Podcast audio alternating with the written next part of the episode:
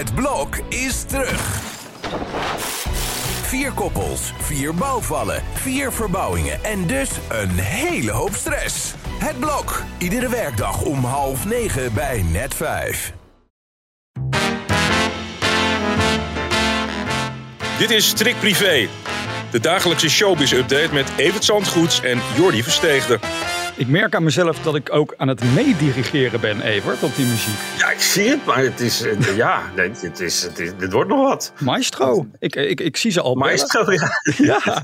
Zeg, ben jij nog eh, gebeld eh, door Mark Rutte? Eh, want, want het Nee, was het is erg stil gebleven. Dus of hij is stom verbaasd dat hij het niet gemerkt heeft dat hij zo uitbundig gefotografeerd is. Ja. Of ik denk dat hij het gaat negeren. En, maar ja, dat neemt niet weg dat Nederland toch een leuk inkijkje heeft in zijn privéleven zoals we het niet eerder hadden. Ja, absoluut. Dat, eh, goed voor elkaar. Ja, we gaan het even, even hebben over iets triesters. Hè. Olivia Newton-John overleden maandagavond. En er is nu meer duidelijkheid over, over hoe die begrafenis eruit gaat zien. Hè? Ja, het was nogal verrassend dat een, een, een, een- Australische vooraanstaande politicus eh, aanbood een staatsbegrafenis in Australië te gaan eh, organiseren. Opvallend is het omdat zij geen Australische is, terwijl lang gewoond heeft, omdat haar vader werkte voor de MI5, de, Mhm. de, de Britse geheime dienst. In een groot deel van haar jeugd heeft ze daar doorgebracht. Maar eh, daarna is ze gewoon naar Amerika gegaan. Maar de reden dat Australië haar zo erkentelijk is, dat is dat borstkankercentrum wat ze daar gebouwd heeft. Met haar eigen geld, voor een heleboel geld is daarin gaan zitten. Heel veel mensen hebben daar eh, baat bij gehad. En daarvoor zou ze worden geëerd. En nu werd duidelijk dat de familie er inderdaad wel voor voelt. Het zou in, niet een, een, een hele plechtige eh, kerkdienst worden of zo, een staatsbegrafenis. Maar een concert eh, waarin zij geëerd wordt voor al de verdiensten. En dat lijkt me niet meer dan terecht dat dat eh, in ieder geval ergens in de wereld gebeurt. Ja. En dan in Australië. Ja, veel muziek dus. Ja, ik kan me herinneren de, de, de uitvaart van Aretha Franklin een paar jaar geleden. Daar heb ik toen ook echt nou, enorm kippenvel bij gehad. Dat was ook met heel veel muziek. Ja, eh, we krijgen dat dus ook bij Olivia Newton-John. de partner Ja, van ik haar. neem aan dat het beter georganiseerd zal zijn dan destijds de begrafenis van Michael Jackson. Want dat was in die Staples Center in Los Angeles één grote chaos rond die zilver schijnende kist. En ehm, ja, ik, ik, ik hou er al, altijd van. Van een, een, een terecht eerbetoon aan een artiest die zoveel betekend heeft. Dat eh, gebeurt eigenlijk veel te weinig. Ja, haar partner eh, heeft eh, ook eh, nog een bericht geplaatst op zijn Instagram-pagina om iedereen te bedanken voor, voor de steun die de familie natuurlijk massaal krijgt. Ja, het is vandaag ook de dag dat, het, dat in 2014 Robin Williams, niet te verwarren met Robbie Williams, zelfmoord pleegde. Ja, we hadden geen, geen jarige vandaag. Nee. Dus jij dacht, dat doen we maar iemand die zoveel jaar dood is. Ja, Robin Williams, dat was destijds wel een grote schok. Want niemand wist hoe erg hij eraan toe was. Hij leed aan LBD. Dat is een, een vorm van Parkinson. Waar hij moeilijk mee omging. En die hem ook eh, depressief maakte. En ineens eh, was daar het nieuws dat hij een einde had gemaakt aan zijn leven. Die man die de hele wereld heeft laten lachen. En niet één keer, maar tientallen jaren achtereen. In verschillende rollen. Die hem de wereld heeft ontroerd. Een van de grootste acteurs technisch gezien van, van Hollywood. Een paar weken geleden plaatste zijn zoon uit het niets een, een mooie foto van hem in een wielerpakje. Nou pa, dit is hoe ik je het meest herinner. Eh, hij zou 71 geworden zijn nu. Hij is helaas maar 63 geworden. Het, is een, eh, ja, het was een groot verlies voor, eh, voor de hele wereld toen hij niet meer kon leven met wat hem was overkomen.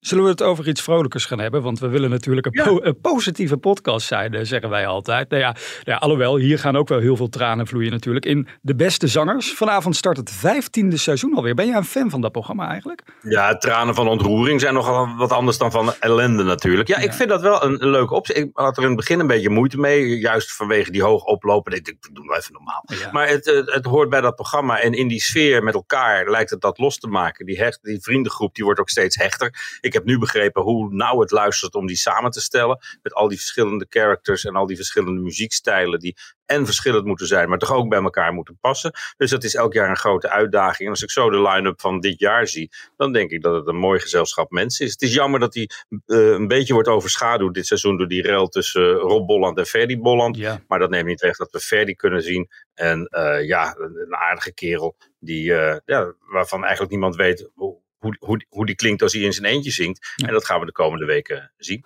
Ja, Claudia de Breij en Nielsen die hebben eigenlijk ook in eerste instantie nee gezegd tegen dat programma. Juist vanwege wat jij net zegt. Hè? Dat huilen, is dat nou echt ja of nee? Maar zij kunnen dus nu beamen, lees ik in verschillende interviews, dat het allemaal echt is. dat het echt is. Ja, dus dat het niet in scène is gezet. Ja, er ontstaan natuurlijk ook altijd hits hè, in dat programma. André Hazes junior is daar eigenlijk mee, echt mee doorgebroken. We hebben Tino Martin. Nou, Thomas Berg heeft er zelfs een hit aan te danken. Dat bedoel ik. En vanavond staat Roxanne Hazes centraal. En um, zingt echt prachtig een nummer van haar. Even luisteren. Alles kapot. Ik de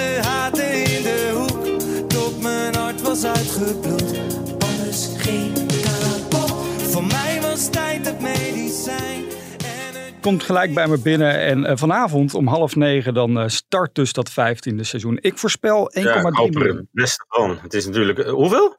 1,3 miljoen denk ik, kijkers. Oké, nou ja, het is een zwoele zomeravond beloofd het te worden. Dus dat zal de kijkcijfers niet te goede komen. Aan de andere kant, het programma is opgenomen in Spanje, juist voor dat zomergevoel. Dus dat sluit wel naadloos aan bij wat je thuis voelt als je tv gaat zitten kijken op deze mooie avond. Als je op YouTube kijkt, dan kom je ook nog allerlei optredens uit het verleden tegen van dit programma. En zo stuit ik vanochtend op Danny de Munk. En toen dacht ik in één keer even iets heel anders. Hoe gaat het eigenlijk nu met hem? Heb jij daar enig idee van? Hij is aan het werk. Hij is terug uit uh, Sitges. Die uh, gezinsherenigingsvakantie die uh, de familie geloof ik wel goed gedaan heeft. De weken daarvoor kwam Jenny nauwelijks uit bed na alle onthullingen over haar man. Waar ze kennelijk dan niks van geweten heeft. Nou ja, ik, ik, ik weet het niet. Het is uh, een grote uitdaging waar ze zich voor gesteld zien. Juist als zij niks van niks geweten heeft, dan moet de klap natuurlijk enorm groot geweest zijn. Maar als ze daar samen uit gaan komen, dan is dat wel des te mooier. En dat je niet onmiddellijk na al die jaren de handdoek in de ring gooit, dat is op zich een goed teken. Dus ja, hij treedt op en uh, wordt daar nauwelijks geconfronteerd met de verhalen die over hem de ronde doen. En dan kan je zeggen, ja, is het verstandig dat hij optreedt? Ja, dat is die man zijn werk, daar eet hij van. Dus zolang dat uh, niet, niet, door uh, iemand wordt verboden, uh, moet hij dat maar gewoon blijven doen, lijkt me. Het is, het is Danny de Munk ja. met alles voor en tegens. En dat is altijd geweest. Je hield van hem of je hield niet van hem. En dat heeft hij altijd tot zo'n beetje, ja, daar heeft hij altijd mee te maken gehad. En dat heeft hij nog steeds. Ja, het is heel cliché om te zeggen hierover, maar volgens mij zijn in deze zaak echt alleen maar verliezers. Want het is verschrikkelijk, hè? Zo'n zo'n aanklacht van verkrachting. Dan heb je het niet over zomaar iets. Nou ja. ja um, en, en, zolang die niet veroordeeld is, is hij natuurlijk onschuldig. Zoals iedereen die uh, voor een rechter komt. Ja, want uh, even voor de duidelijkheid: het onderzoek loopt nog. Zeg, morgen is het uh, alweer vrijdag. En doen we de laatste podcast van deze week. En dan gaan we weer vragen stellen. Althans, ik ga vragen stellen aan jou, Evert, van de luisteraar.